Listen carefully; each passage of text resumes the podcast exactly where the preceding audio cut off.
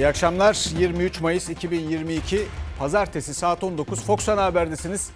Ben Selçuk Tepeli. Bugünkü etiketimiz demesi kolay. Haberlerimize geçeceğiz. Ama evvela e, bana itimat edip e, yanıma bir bardak su koyan buradaki kıymetli arkadaşlarıma teşekkür etmek istiyorum. Ve e, önce uluslararası haberlerle başlayalım. Çünkü NATO gündemi yoğun. Türkiye biliyorsunuz İsveç ve Finlandiya'nın NATO üyeliklerine karşı veto hakkını kullanacağını açıklamıştı. Görüşme trafiği devam ediyor fakat Ankara'da bir veto kararlılığı var. NATO'da ve üyesi olduğumuz diğer uluslararası kuruluşlarda oynadığımız hayati rol apaçık ortadayken özellikle de İsveç'in yaptırım uygulamasını hiçbir şekilde bir kenara koyamayız. Bunların makul bir izahı da yoktur. Finlandiya ve İsveç'in NATO üyeliğine karşı veto mesajını bir kez daha net verdi Cumhurbaşkanı.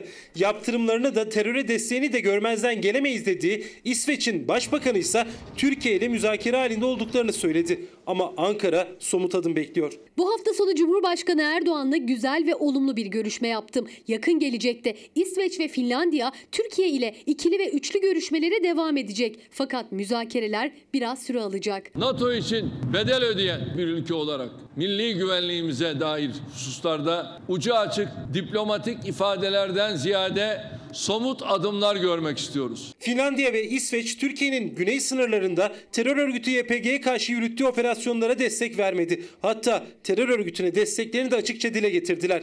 İsveç 2019 Barış Pınar Harekatı sonrası Türkiye'ye silah ambargosu da uyguladı. Ankara'da bu iki üyenin NATO üyeliklerini veto edeceğini açıkladı. NATO'ya Finlandiya ve İsveç'in girmesine hayır diyeceğimizi ilgili arkadaşlarımıza söyledik ve yolumuza da bu şekilde devam edeceğiz. Türkiye'nin bu açıklamasının ardından diplomasi trafiği hızlandı. Batılı liderler gibi Finlandiya Cumhurbaşkanı ve İsveç Başbakanı da Cumhurbaşkanı Erdoğan'la arka arkaya görüşmeler yaptı. Erdoğan, Türkiye'ye karşı uygulanan yaptırımların kaldırılması, terör örgütü YPG'ye verilen desteğin sonlanması ve iki ülkede bulunan teröristlerin iadesiyle ilgili beklentileri açıkça dile getirdi. Bugün Türkiye'nin NATO'nun güvenliğine yaptığı katkılardan övgüyle bahsedenler daha düne kadar Libya'da, Suriye'de attığımız adımlar dolayısıyla ülkemizi acımasızca eleştiriyorlardı. Cumhurbaşkanı Erdoğan Gölcük Tersane Komutanlığı'nda konuştu. Türkiye'nin terörle mücadelede yalnız bırakıldığına vurgu yaptı. Finlandiya ve İsveç'in NATO üyeliğine karşı Türkiye'nin güvenliğinin altını çizdi. Temel güvenlik hassasiyetlerinin gözetilmediği bir genişleme politikasının ne bize ne de NATO'ya hiçbir hayrının dokunmayacağına inanıyoruz. PKK'nın bağlantılarının daha yakından izleneceğine dair Türkiye'ye kesinlikle garanti verebiliriz. İttifak dayanışmasının en üst düzeyde tutulması gereken bir dönemde ipe un serme politikasından vazgeçilmeli, terörle mücadelede destek ve yaptırımlar başta olmak üzere Türkiye'nin haklı beklentileri karşılanmalıdır. Finlandiya Dışişleri Bakanı PKK yakından takip etme garantisi verebiliriz dedi. İsveç Başbakanı PKK'yı terör listesine ilk alan ülkelerden olduklarını söyledi. Ankara ise terörle mücadele yanında Türkiye'ye yönelik yaptırımların son bulmasını bekliyor. Krizin çözülüp çözülmeyeceği İsveç, Finlandiya ve batılı ülkelerin tavrına bağlı. Sanıyorum bu ülkede hemen hepimiz bu veto kararlılığının tam sonuç alınana kadar devam etmesi gerektiğini düşünüyoruz. Takipçisiyiz. Fakat bir şeye dikkat etmesi lazım Türkiye'nin. Bir konuda hassaslıkla yaklaşmalıyız. Onu da bir dakika bölümünde haberden sonra eğer vaktim kalırsa anlatmaya çalışacağım. Efendim e, bu arada milli terörle mücadele sürüyor. Milli İstihbarat Teşkilatı Irak'ın kuzeyinde başarılı bir operasyona imza attı. MIT'ten nokta operasyonu.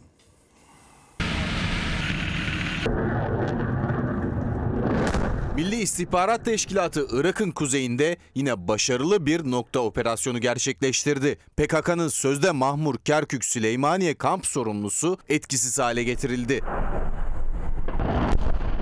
Ahmet Rubar kod adlı terörist Mehmet Erdoğan'ın Mahmur kampında sahte kimlikle yaşadığı tespit edilince operasyon için harekete geçildi. Terörist yakın takibe alındı. Attığı her adım an beyan izlendi. İstihbarat çalışması tamamlanınca nokta operasyon için düğmeye basıldı. Terörist Mehmet Erdoğan 21 Mayıs 2022'de aracıyla hareket halindeyken Mahmur'da etkisiz hale getirildi. Çok sayıda sivil ve askerin şehit edilmesi eylemlerinin talimatını veren teröristin etkisiz hale getirilmesiyle PKK'ya ağır bir darbe daha indirildi. Mehmetçik de sınır ötesinde teröre karşı mücadelesini aralıksız sürdürüyor. Son olarak Suriye'de Barış Pınarı Harekat Bölgesi'nde taciz ateşi açan ve saldırı hazırlığında olan 4 PKK-YPG'li terörist etkisiz hale getirildi. Mehmetçik yurt içinde de teröristlere göz açtırmıyor. Şırnak'ta devam eden Eren Abluka 5 operasyonunda iki terörist etkisiz hale getirildi. Teröristlerden birinin gri listedeki PKK'nın mayıncısı olarak bilinen Fırat Kod adlı Mehmet Halil Doğal olduğu belirlendi. Efendim mesajlardan birkaç tanesini okuyayım. Kıymetli izleyicilerimizden gelen gençlere hayallerinizin peşinden koşun demesi kolay tabii ama gelin görün ki on binlerce genç pahalı bilet fiyatları yüzünden bayramda ailelerini görmeye bile gidemediler. Gençlerle ilgili tavsiyelere geleceğiz. Öyle tavsiyeler var. Şartları göz önünde bulundurmadan yapılıyor. Doğrusu hiç uymuyor yani. Hiç. Hayat pahalılığının farkındayız demesi kolay. Problemleri çözeceğiz demesi kolay demiş bir izleyicimiz. Bir başka izleyicimiz et yiyin diyorlar ya demesi kolay. Raflara bakıp geçiyor. Geçiyoruz canımız istiyor hem de çok demiş. Efendim biz de iç politikaya geçelim. İç politika en önemli gündem maddesi ekonomi. Fakat iç politikanın bir başka önemli gündem maddesi Cumhurbaşkanı adaylığı. O adaylık e, müzakereleri, buradan gündeme taşanlar, haberlere yansıyanlar, Millet İttifakı'ndan bahsediyorum. İyi Parti'den Kemal Kılıçdaroğlu'na manidar bir mesaj geldi. Ve ben iktidar olduğumuzda asla değişmeyeceğim. Bugün mesela 3 aday Sayın Erdoğan'ı geçiyor. Kim bunlar? Meral Akşener, Mansur Yavaş ve Ekrem İmamoğlu. Hangisiyle daha iyi kazanabileceği konusu çok zor olmasa gerekir. CHP'nin 21 Mayıs'taki Maltepe mitingi sonrası Kılıçdaroğlu'nun Cumhurbaşkanlığı adaylığı daha yüksek sesle dillendirilirken Daktilo 1984 isimli YouTube kanalına konuşan İyi Parti Grup Başkanı İsmail Tatlıoğlu anket sonuçlarına göre Erdoğan'a karşı kazanabilen 3 aday var dedi. Meral Akşener, Mansur Yavaş, Ekrem İmamoğlu. Kılıçdaroğlu'nu saymadı. 3 kişinin Sayın Erdoğan'dan daha yüksek oy alacağı bütün araştırmadan ortaya koyduğu şey altılı masa kiminle kazanılabilir sorusunu ciddi olarak masaya yatıracak. Tüm muhalefet liderleri gibi CHP lideri de bugüne kadar ben adayım cümlesini kurmadı. İttifakla belirleneceğine vurgu yaptı. Ancak son aylardaki çıkışları, kurduğu cümleler artık adaylık konusunda kararını verdiği şeklinde yorumlanıyor. Kendi celladınızı seçmeyin. Kullanışlı aparatlarla kavga edeceğiz ve kazanacağız. Et Balık Kurumu'nun kapısına gitmek, TÜİK'in kapısına gitmek, Sadat'ın kapısına gitmek, Canan Merkez Kaftancıoğlu ceza aldığında gereken tepkiyi göstermek, Sayın Kılıçdaroğlu kendini artık lider olarak biz de kabul edebiliriz, Türkiye'de kabul ediyorum. Demokrat Partili Cemal Engiyurt, Kılıçdaroğlu artık bir genel başkan değil lider dedi. Millet İttifakı iktidarının lideri. Kendisi artık iktidar adayı bir genel başkan değil, Millet İttifakı'nın iktidarında söz sahibi olacak bir lider konumundadır. Cumhurbaşkanı adayı olabilir mi? Olabilir. Altılı masa kiminle kazanılabilir sorusunu masaya yatıracak. Bugün mesela 3 aday Sayın Erdoğan'ı geçiyor. Kim bunlar? Meral Akşener, Mansur Yavaş ve Ekrem İmamoğlu. Türkiye'nin 13. Cumhurbaşkanı, Genel Başkanımızın da içinde olduğu 6 lider tarafından ortak belirlenecektir. İnşallah birinci parti çıkacağız ve ben de o iktidarın elbette hak edilmiş başbakanı olacağım. Meral Akşener'in Cumhurbaşkanı adayı olmayacağını açıklamasına rağmen İyi Parti Grup Başkanı İsmail Tatlıoğlu'nun Erdoğan'a karşı kazanabilen 3 isim arasında Kılıçdaroğlu'nu saymaması dikkat çekti. Babacan da konuştu. Altılı masada amacımız ortak aday çıkarmak da olsa olur da bir uzlaşma olmazsa o zaman benim adaylığım milletvekili listesinden değil Cumhurbaşkanlığı olacak. Ülke elden gidiyor, birlikte olmak zorundayız. Erken seçim olursa Kasım'da olur diye bir varsayımımız var. 2018 seçimini unutmayalım. Haziranda yaptılar. Bir yanda muhalefetin Cumhurbaşkanı adayı kim olacak tartışması, diğer yanda erken seçim ihtimali. ABC gazetesine konuşan Bülent Arınç'tansa Cumhurbaşkanı ve Bahçeli'ye üslup eleştirisi geldi. Zillet, illet onları ayaklarımızın altına alacağız. Sen millet değil zilletsin dediğin zaman en az 20 milyon insanın neden bize böyle diyorsun, bizim neremiz zillet diye buna karşı çıkma hakkı olur. AK Parti %50'yi nasıl aldı? Herkese saygı göstererek, diyalog kurarak, insanların güvenini kazanarak. Bu bu adaylık e, süreci, bunun uzaması, bununla ilgili tartışmalar yani bilemiyorum nereye varacak. Göreceğiz elbette fakat bu milletin kararıdır ve bunu hissetmek o kadar zor değildir. Buna millet karar verir ve bu anlaşılır. Hakikaten zor bir şey değildir. Dolayısıyla bu yani bu kadar çabanın, bu kadar tartışmanın ne anlamı olduğunu tam olarak anlamış değilim. Bir başka anlamakta zorlandığım benim kanaatimce kavga edeceğiz doğru bir yaklaşım olmayabilir. Çünkü bu memleket insanı hangi partiye oy verir ve verir vermişse vermiş. Hangi partiden olursa olsun. Bu ülke insanının istediği şey emin olun huzurdur. Bu huzur için fikirler kavga edecekse mesele yok. Sorunların çözülmemesi bir türlü çözülmemesi iktidar ve onun kötü politikaları sebebiyle çözülmemesi elbette huzursuzluğu gerilimi arttırıyor. Fakat siyaset sahnesinden yükselen o gerilim kadar bir gerilim e, bu ülkenin seçmeninin istediği bir şey değil. E, şimdi geçelim iç politikadan devam ediyoruz. E, gerilimi düşüren bir açıklama Adalet Bakanı'ndan, Bekir Bozdağ'dan geldi. Gerilimi düşürdü çünkü herkes anlamaya çalışıyor tuhaf açıklamayı. Sanki tweet attı diye Türkiye'de hakkında soruşturma başlatılan bir Allah'ın kulu var mı bilmiyorum. Yok. Yahu bu tweet attı da tweetin içinde ne yazıyor? Soruşturma onun üzerine açılıyor. Tweet dediğin yazılır zaten. Boş tweet henüz atılamıyor. Tweette mutlaka bir nokta, bir harf, bir kelime, bir cümle kurmanız gerekiyor. Adalet Bakanı Bekir Bozdağ tweet attı diye soruşturma açılan bir kişi yok. Atılan tweette yazılanlar soruşturma konusu dedi. Muhalefet Bozdağ boş tweet zaten atılamıyor diye karşılık verdi. Soruşturma konusu olan çoğu paylaşımın da ifade özgürlüğü kapsamında olduğunu söyleyerek. Vatandaşların sıradan eleştirileri tweetlerinin bile kolayca suç kapsamına sokulduğu bir ülkede ifade özgürlüğü varmış gibi konuşmanın bir manası yok. Avrupa İnsan Hakları Mahkemesi'nin raporlarına göre Türkiye ifade ve düşünce özgürlüğünün en çok ihlal edildiği Avrupa ülkesi oldu. 160 bin kişi hakkında soruşturma açılmış Cumhurbaşkanı hakaretten. Şu rakama bakın ya. Özellikle de sosyal medyadan yapılan paylaşımlar nedeniyle Cumhurbaşkanı hakaret soruşturmaları artık on binlerle ifade ediliyor. Muhalefet ifade özgürlüğünün ihlal edildiğini söylüyor her fırsatta. Tweet attılar diye liseli çocukları okullarından alıyorlar. Bazen karar çıkıyor. Diyor ki tweet attı, hayatı karardı. Sanki tweet attı diye Türkiye'de hakkında soruşturma başlatılan bir Allah'ın kulu var mı bilmiyorum. Yok. Adalet Bakanı Bozdağ muhalefetin eleştirilerine yanıt verirken tweet attı diye soruşturma geçiren yok açıklaması yaptı. Tweetin içeriğinin soruşturma konusu olduğunu söyledi. Küfür ve hakaret kimden kime karşı yapılırsa yapılsın. Kılıçdaroğlu'na Cumhurbaşkanımızdan bağımsız söylüyorum. Sadece Türkiye'de değil dünyanın her ülkesinde suçtur. Takıyor genel başkan şapkasını herkese hakaret edebiliyor. Aynı ifadeleri bir başka kişi kendiyle ilgili kullandığında hemen Cumhurbaşkanı şapkası takıyor diyor ki dur bakalım ya ben Cumhurbaşkanıyım bana böyle konuşamazsın diyor. Şahsına sinkaflı saldırıyı ifade hürriyeti kabul ediyorsa bir insan kimse hakkında şikayetçi olmaması lazım. Yani benim mezhebim bu kadar geniş değil. Bakan sanki sadece küfürler, tehditler soruşturuluyormuş gibi göstermek istiyor. Fakat Emniyet Müdürlüğü 2021 faaliyet raporunda bir yılda toplam 106.808 sosyal medya hesabında çalışma yaptığını açıklamış. İfade özgürlüğü tartışması bakanın tweet atana soruşturma açılmıyor sözleriyle gündeme taşındı.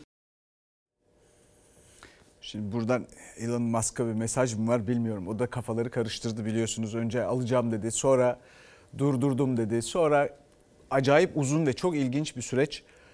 Neredeyse Twitter'ı manipüle etti Elon Musk. Ee, 280 karaktere çıkmıştı biliyorsunuz mesaj e, ebadı, uzunluğu. E, bir yandan da haksızlık etmemek lazım. Doğru. Bir noktasız da atılabilmeli. Yalnız öyle acayip bir durum var ki. Şimdi bu düşünce denen şey şu ya da bu biçimde ifade ediliyor.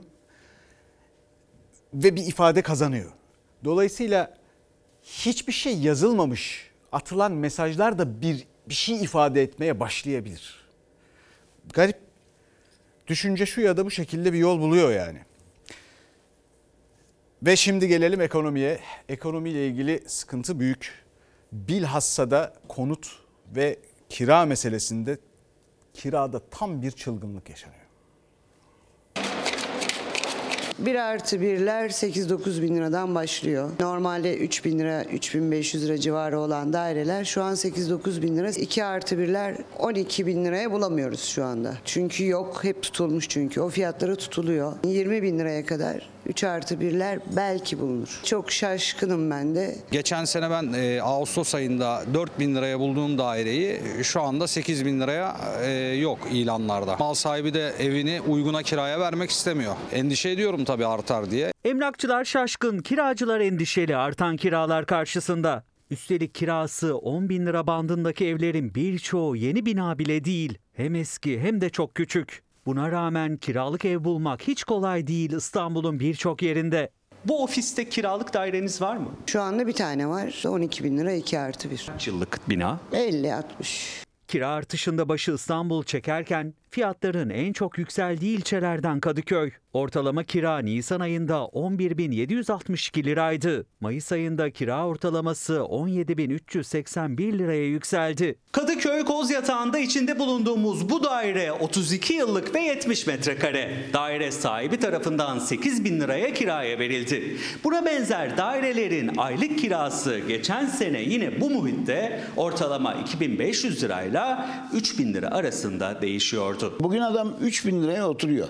Kalkıyor adam oraya 7 bin lira istiyor, 6 bin lira. Nasıl verecek bu adam? Emekli. Bu sorunun nedeni yeterince konut olmaması ya da konut açığı değil. Çünkü örneğin 2002-2020 yıllar arasında ülke genelinde 12,5 milyon yeni konut üretildi. Aynı dönemde toplam hane sayısındaki artış ise sadece 4 milyon. Yani her yeni bir hane için bu süreçte en az 3 yeni konut üretildi. Ekonomi profesörü Mustafa Durmuş'a göre konut fiyatlarının yükselmesinin nedeni konut eksikliği değil, ihtiyacı olanın geliriyle fahiş fiyatlı konutlara ulaşamaması. Ülkemizde çok sayıda hatta boş durumda konut var ama insanlarımızın bu konutları satın alabilecek gelirleri ya da birikimleri yok. Bu durumun nedeni kuşkusuz ülkedeki son derece adaletsiz gelir dağılımı. Kira artışlarına, yükselen konut fiyatlarına yönelik bir formül için gözler kabine toplantısına çevrilmişken uzmanlar çare olmaz dese de konut sayısının daha da artırılması gündemde. İnşallah Ağustos ayında Sayın Cumhurbaşkanımız bunu milletimizle paylaşacak. Maliyetleri düşürecek. İnşallah hem sektörümüze hem vatandaşımıza daha uygun şartlarda konut yapılmasına imkan sağlayacak. 81 ilde uygun koşullarda yeni konut üretmek ya da konut kredi faizlerini daha da düşürmek biçimindeki gündeme getirilen çözümler gerçek çözümler olamaz. Çünkü hesap ortada. Bunun çözümü konut yapmak değil yani. Ekonominin düzelmesi lazım. İnsanların gelirinin yükselmesi lazım. Başka türlü çözüm yok bunun. Şimdi bir kabine toplantısı var bugün biliyorsunuz devam ediyor. Bu konuda da kira konusunda da bir şey çıkar mı, bir karar çıkar mı bekleniyor. Ama aynı zamanda ev sahipleri açısından da kimi insanların da bir tane evi var.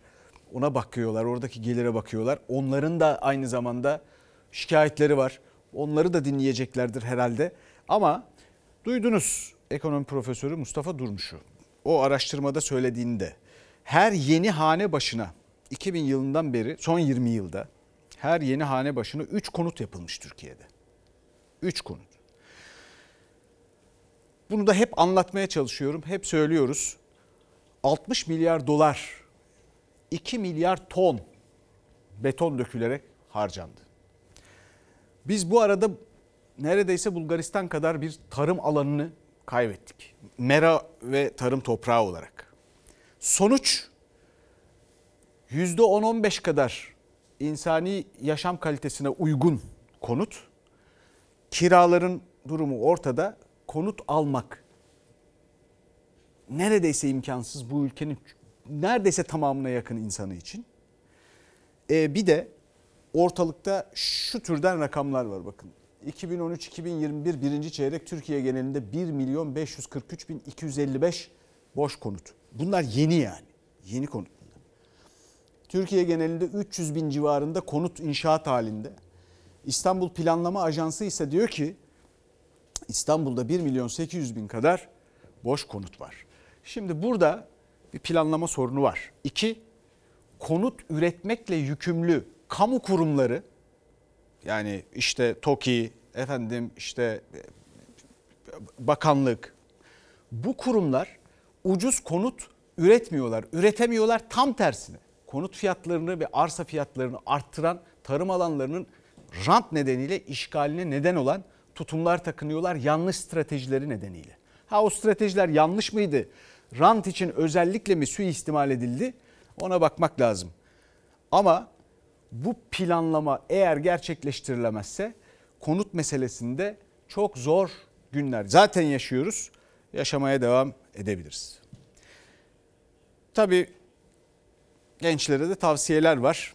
AK Parti Kayseri Milletvekili Hülya Nergis e, gençlere evlenmelerini tavsiye ediyor. Çok çocuk yapıyor, yapın diyor. Bu ülkenin elbette bunlara ihtiyacı var. Ama evlen demesi kolay. Türkiye'de yapılan istatistiklere baktığınız zaman geç evleniyoruz, fazla çocuk yapmıyoruz ve hızla azalıyoruz ve küçülüyoruz. Tamam çok çocuk olmak böyle bir şey. Geçimin güzel olsa olsun. E geçimin iyi değilse çok çocuğun çocuğun ne anlamı var? Bak budur. Buna da biraz zorlanıyorum. Bir çocuğu. Evet. Nitekim çok fazla çocuk yapmayan bir topluluğuz. Gençlerimizin erken evlenmesi, erken yol alması, daha çok çocuğa sahip olması lazım. Evlensinler, yol alsınlar diyorlar da evlilik ayrı bir sorumluluk. Bütçe açısından asgari ücret evet arttırıldı belki ama sonuç olarak her şeyin fiyatı da arttı. Evlilik o yüzden insanları artık kara kara düşündürüyor. Gençlere AK Parti Kayseri Milletvekili Hülya Nergis'ten geldi tavsiyeler. Erken evlenmelerini çocuk sahibi olmalarını önerdi. Gençlerse hangi parayla diye sordu. Böyle bir maddiyatta, böyle bir sıkıntıda bir de dünyaya ekstra çocuk doğurup onların sorumluluğunu alıyorsunuz. Milletvekilleri sonuçta onların maaşları farklı, onların hayat standartları çok farklı ama bizim insanımız bu şekilde yaşamıyor. Gençlerimize en az 3 çocuk, mümkünse daha fazlasını tavsiye ediyorum. Bir devlet politikası olarak siz bunu güdebilirsiniz ama bunun altını beslemek gerekiyor işte o sosyal haklarla. Yani insanlara bir yandan evlenin, çocuk sahibi olun derken o insanlara yeterli düzeyde bir gelir imkanı sunmak. Bu tür tavsiyeler sadece tavsiye niteliğinde kalıyor. Zaten gerçekleşmediğini de görüyoruz. Tavsiyelerin gerçekleşmediğini TÜİK de ortaya koydu. 2020'de 1,76'yı gerileyen doğurganlık hızı 2021'de 1,70'e düştü. Oysa 2'nin altı nüfusun kendini yenileyemediğini gösteriyor. 2008'de hanedeki kişi sayısı 4'tü. O da 3,23'e geriledi. Yani artık çekirdek aile de küçüldü. Biz e, şehre geldik, e, çekirdek aile olduk.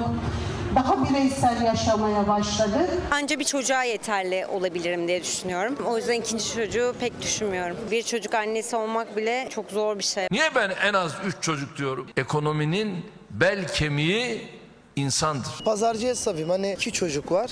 Hani bakma şartlarım elimden geldiğince hani en iyi şekilde bakmaya çalışıyorum.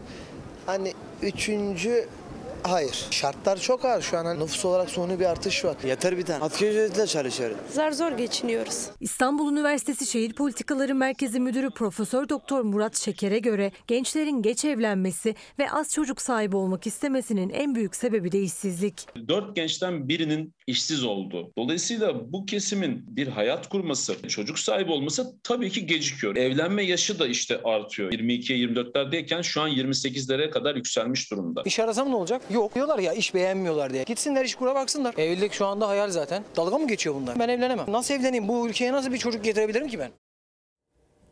AK Parti iktidarı döneminde şöyle istatistiklerle karşı karşıya Türkiye 20 yılın sonunda. Evlenmeler azalıyor. Boşanmalar hızla artıyor. Tarihindeki en yüksek rakamlar ve oranlar karşımızdakiler Türkiye'nin.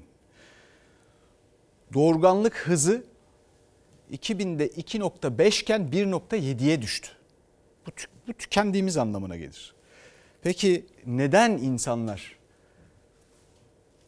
evlenmiyor, neden üremiyor, neden bir sebebi olması lazım? Çünkü biliyorsunuz o şarkı şuna dönüştü neredeyse. Bir sen bir ben bir de geçinemeyecek kadar pahalılık. Şimdi böyle olunca bir yığın sorun çıkıyor. Bunu planlamak lazım. Onun için hepimiz değilse hiçbirimiz diyoruz. Evet ekonominin bel kemiği insan ama sürümden kazanmak için değil. O insanların eğitimi var. O insanların gelirinin artması lazım. Çalışıyorlar ve emeklerinin karşılığını almaları lazım. Alıyorlar mı? Almıyorlar. Almadıklarını görüyoruz. Anlatmaya lüzum yok. Zaten siz yaşıyorsunuz. Bir de tarıma bakalım şimdi. Önce kredi kartlarına bakalım. Niye? Çünkü insanlar hadi evlendiler veya işte zaten sadece nasıl geçinecekler? Sadece evlendiklerinde değil. Sonrasında da şimdi muhtemelen herkes kredi kartına sarılmış durumda. Niye bugün haber? Çünkü kredi kartı harcamasında bir haftada bir rekor geldi.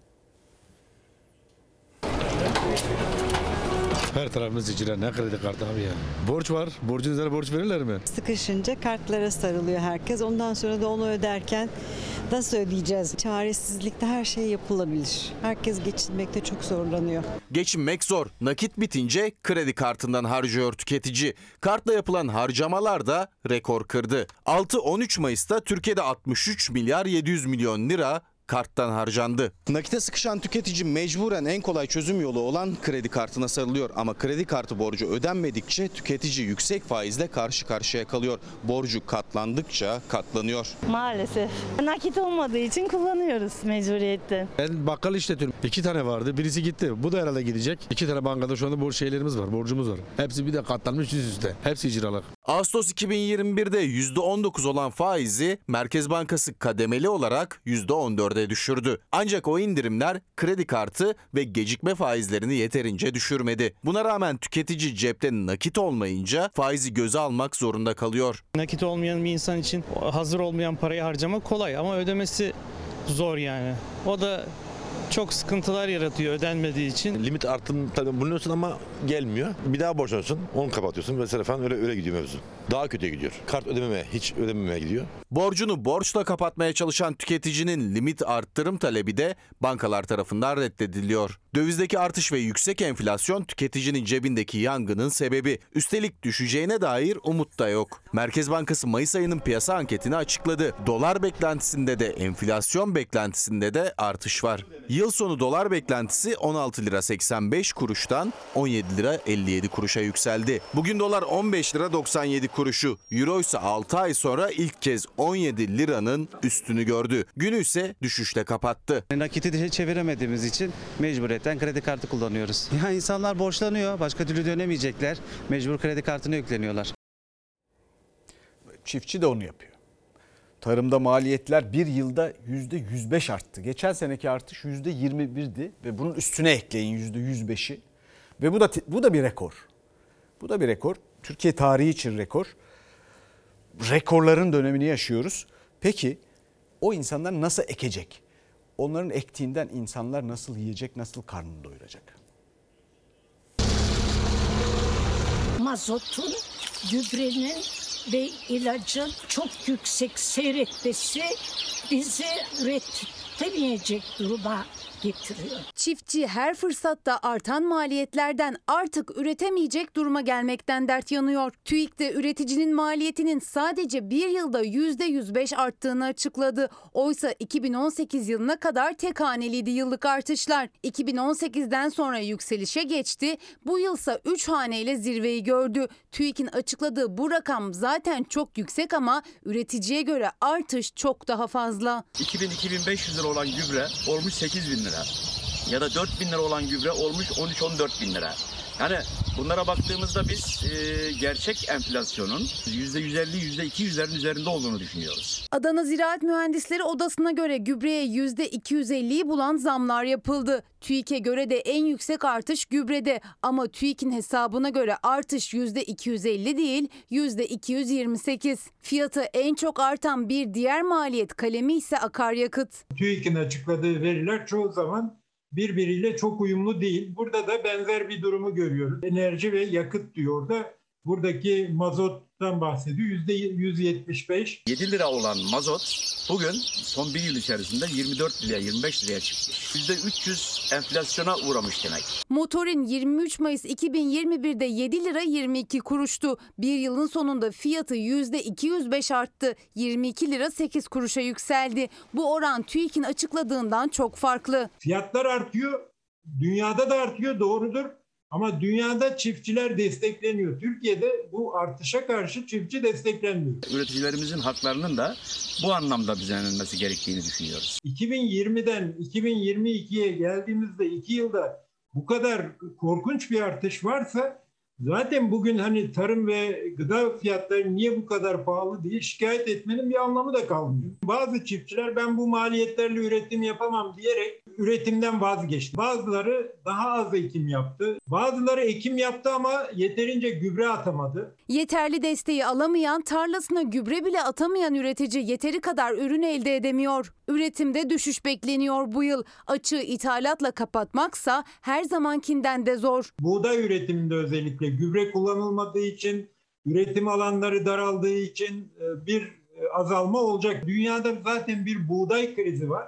E, Bu buğday krizi karşısında Türkiye ithalat yapsa bile bunu pahalıya yapmak zorunda kalacak. Bu nedenle biz hep yıllardır çırpınıyoruz. Yani üretimi arttırın kardeşim bu ihtiyacımız yok biz kendimize yeteriz demek artık e, gerçekçi değil. Şimdi bu arkamdaki grafik haberin içinde de gördüğünüz bakın bu grafik önemli. Tarımsal maliyet artışı grafiği bu. Üstündeki rakamları boş verin şekline bakın. Niye bu günleri yaşadığımız, niye hayat bu kadar zor? Bütün bu soruların cevaplarını burada bulursunuz. Ocak, Şubat, Mart aylık o maliyetler yani tarım enflasyonu, maliyet, tarımdaki üretim enflasyonundan bahsediyoruz. %10-12, %16-69, %15-16. Bunlar aylık. Maliyetlerin sabitlenmesi lazım. Verilerin düzeltilmesi lazım. Ve bunun devamında da şimdi bir öneri var. Diğer önerilerimi arkasından söyleyeceğim. Efendim Mehmet Yılmazer AK Parti Ankara İl Başkan Yardımcısı evde karpuz yetiştirin demiş. 120 lira bu karpuz. Dilim ne kadar? Bir dilim en fazla kötü atsa yine 15-20 lira TL rahat tutar. E ne yapacak mecbur adam dilimle alıp götürür. Ucuz olsa bir karpuz alıp götürür. Ben şu an pazarcı olduğum takdirde ben götüremiyorum. Baka baka gözümüz kör oldu be. Hayatımda ben böyle bir şey görmedim. Daha da görmek istemiyorum. Batıya özeniyordunuz. Karpuzu eken yerliden değil gidip marketlerden alırsanız bu olur. Ben her sene karpuz ekiyorum mesela. Fahiş fiyatlardan görüp alamamaktan, karpuzun sadece markette değil, pazarda bile dilimli satılmasından şikayet eden vatandaşa AK Parti Ankara İl Başkan Yardımcısı Mehmet Yılmaz Er'den tavsiye geldi. Karpuzu evinizde yetiştirin tavsiyesi. Milletin bakın görüyorsunuz hepsi nefes alamıyor, burnundan soluyor. Eline attığı yer elinde kalıyor. Ha bunu da artık dalga geçmenin, alay etmenin, efendim bir tane yesinler, iki tane alsınlar, bahçelerine eksinler, yok efendim koyun kessinler falan demenin bir anlamı yok. Orta sınıf kalmadı. Alım gücü zor. Dereotu almak için dolanıyorum. 5 lira 6 lira diyorlar bir dereotu. Mesela geliyor kadın iki tane avuç alıyor. Bir tane turp alıyor. Dün bir iki tane yaşlı teyze bir, de, bir demet dereotu ikiye bölüşerek aldılar. Dediler bana fazla geliyor ama fazla geliyor değil. Ekonomik anlamda parası olmadığı için iki buçuk üç milyar asçı alıyor, emekli maaşı alıyor. İnsan nasıl alsın? Alım gücü düşen vatandaş ay sonunu getirebilmenin hesabını yapıyor çarşı pazarda. Meyve sebze taneyle, et tavuk gramla alınıyor artık. Bu ne biçim iş ya? İki kere dolandı. Ucuz bulabilir miyim diye.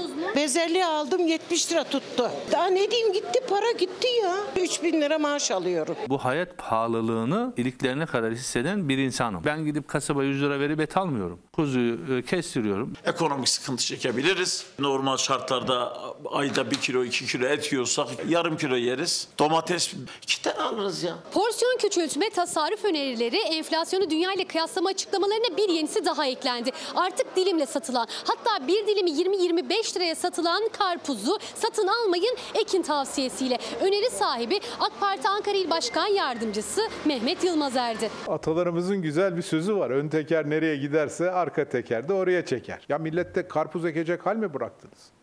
Bahçe mi bıraktınız? Millet bunların ne yaptığını görüyor, notlarını veriyor. Beyinleri o kadar mı çalışıyor ya? İnsanın aklıyla dalga geçiyorlar resmen yani ya. Orta sınıf bilmem ne hiçbir şey kalmadı yani. Tamamen sıfır. Bir karpuz 120 lira. Adam 5 tane nüfusta bir karpuz alıp da götüremiyor ki evine. Dilim dilim mecbur alıp yetecek. Bir dilim karpuz 23 lira. Ben emekliyim. Nasıl alacağım? 60, 70, 80 milyon civarı. Ben kendim ağzıma sürmüyorum. İster inan ister inanmayın. Trollük yapanları makaraya aldığım karpuz cevabına laf yetiştiren troller. Hadi ben makara yaptım. AK Parti Ankara İl Başkan Yardımcısı Yılmazer hayat pahalılığından yakınan karpuzu dilimle bile alamıyoruz diyen vatandaşa karpuz ekin tavsiyesine gelen tepkiler sonrası makara yaptım dedi. Onların hep hayat hep makara, insanlarla makara yapıyorlar ama nasıl oluyor bu kadar şey alıyorlar onu da anlamadım. Efendim bu kıymetli yurttaşımız gibi konuşamayız tabii. Bunun nasıl da tutmuş bütün hepsinin konusuyla, zamanıyla, sıralamasıyla kronolojik olarak yani e, nasıl hatırlatıldığını gördünüz bir pazarda bir yurttaşımız tarafından.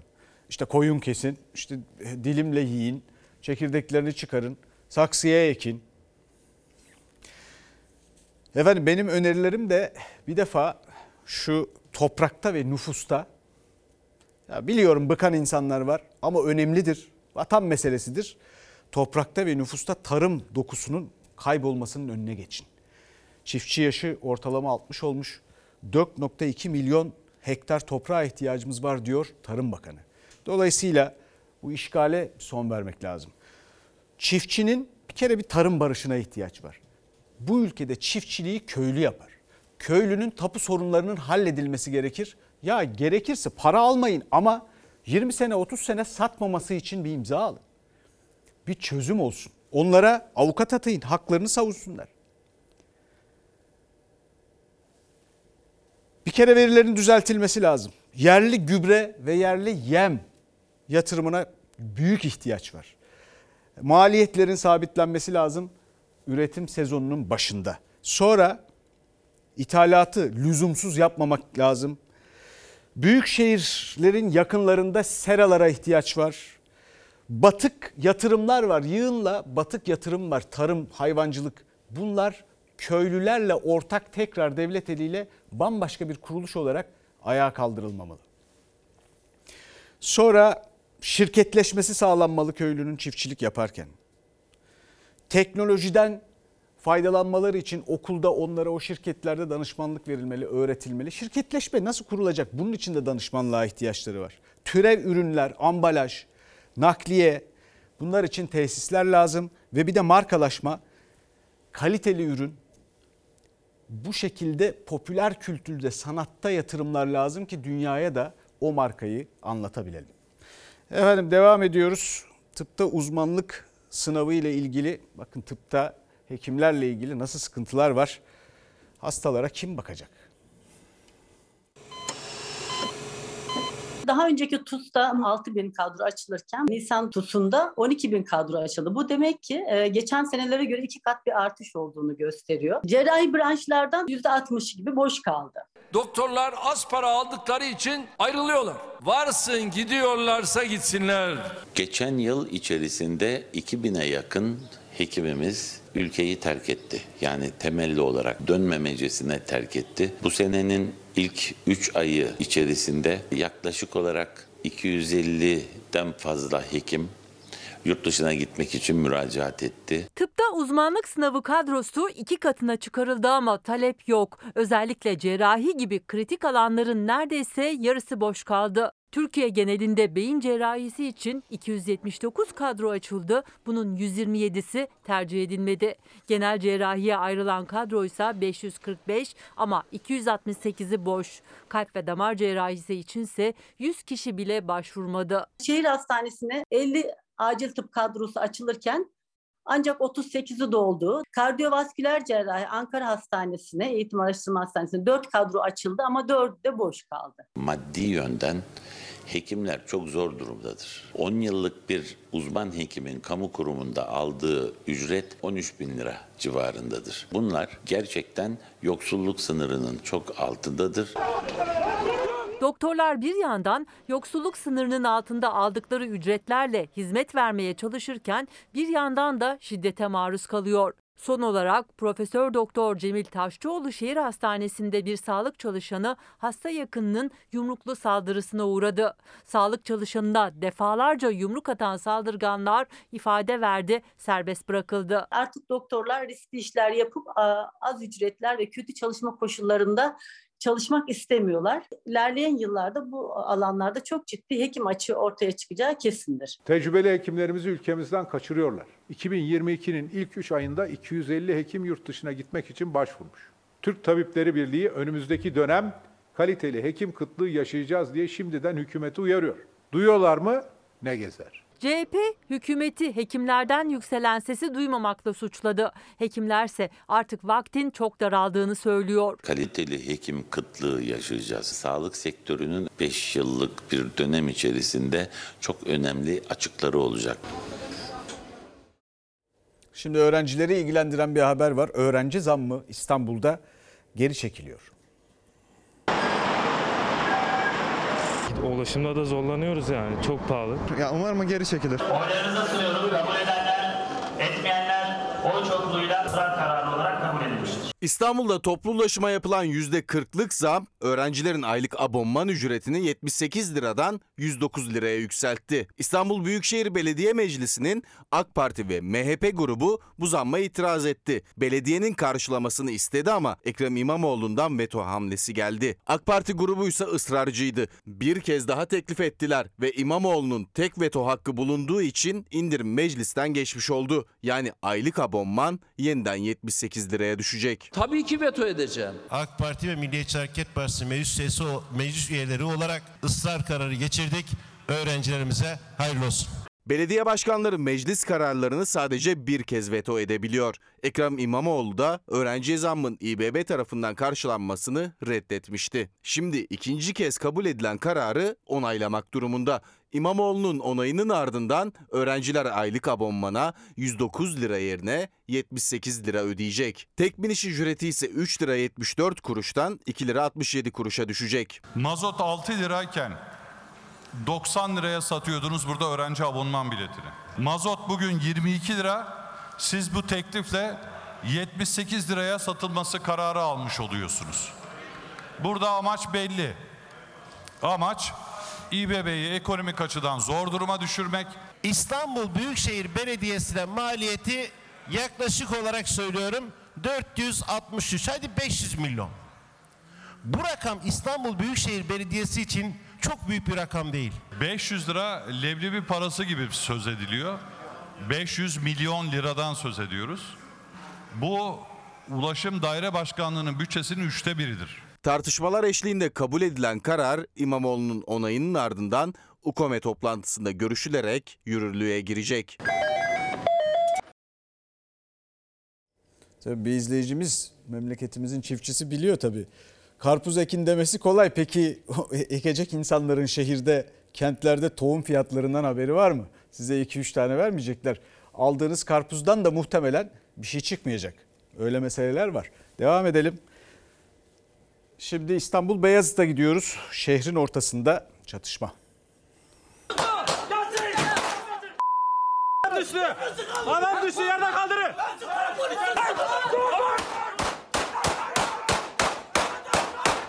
İstanbul'un göbeğinde, günün ortasında, en kalabalık yerlerden birinde, Beyazıt'ta, kapalı çarşıdaki iki esnaf grubu birbirine girdi. Silahlar peş peşe ateşlendi. Biri polis 7 kişi yaralandı. 27 kişi gözaltına alındı. Şu anda çatışma çıktı Beyazıt'ta. Hala sıkıyorlar, hala sıkıyorlar. Ben içeri kaçtım.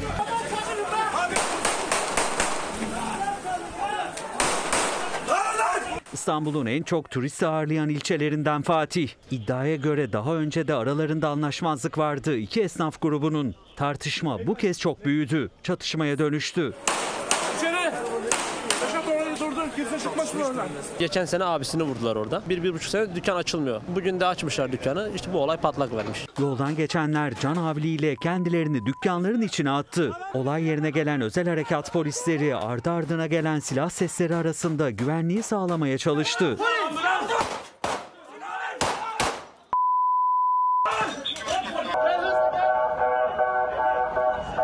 polis olay yerine ulaştıktan sonra da bir süre çatışma devam etti. İstanbul Valiliği biri polis 7 kişinin yaralandığını, 27 kişinin de gözaltına alındığını açıkladı. Alışılmadık bu çatışma görüntüleri ise İstanbul'da güvenliğin geldiği son noktanın fotoğrafı oldu. Şimdi tek tek sayalım. Kaç tane adam var? Nazik konu. Şimdi iyi haber. Vakıfbank kadın voleybol takımı 5. kez Avrupa şampiyonu oldu. O kadar kıymetli, o kadar değerli ki kadınlarımız. Erkeklerimizde de basketbolda önemli başarılara imza atıyoruz. Zaten dinlediniz, duyuyorsunuz. Dolayısıyla biz de tebrik ederiz. Şimdi bir ara, sonra bir dakika bölümünde buradayız. Bir dakikaya şimdi son dakika haberlerimiz var. Kabine toplantısından sonra Cumhurbaşkanı Erdoğan açıklamalarda bulunuyor bir yandan. Biliyorsunuz Covid-19 nedeniyle izinliydi. Açık cezaevlerindeki hükümlülerin izin süresi de doluyordu. 31 Temmuz 2023'e uzatıldı. Bunu açıkladı Cumhurbaşkanı Erdoğan. Bir de bakaya gençlerin bedelli askerlikten yararlanmasının önünü açıyoruz dedi. Bununla ilgili bunlarla ilgili daha detaylı e, bilgileri yarın da vereceğiz. Kiralarla ilgili bir düzenleme yapılacak mı bakacağız. Efendim e, bunun dışında da gelişmeler, haberler. Bilhassa e, çarşı pazardaki pahalılık. Hazine ve Maliye Bakanı Nurettin Nebati'nin ümidi karpuzdaydı ama e, enflasyonla mücadelede karpuzu evde yetiştirin önerisi gelince şimdi hayal kırıklığına uğradı herkes tabii. Bakalım bunlarla ilgili neler açıklanacak. Bizden sonra Yasak Elma var yeni bölümüyle. Yarın görüşmek üzere. İyi akşamlar efendim. Bütün alem kurban benim yurduma Lay lay lay lay lay lay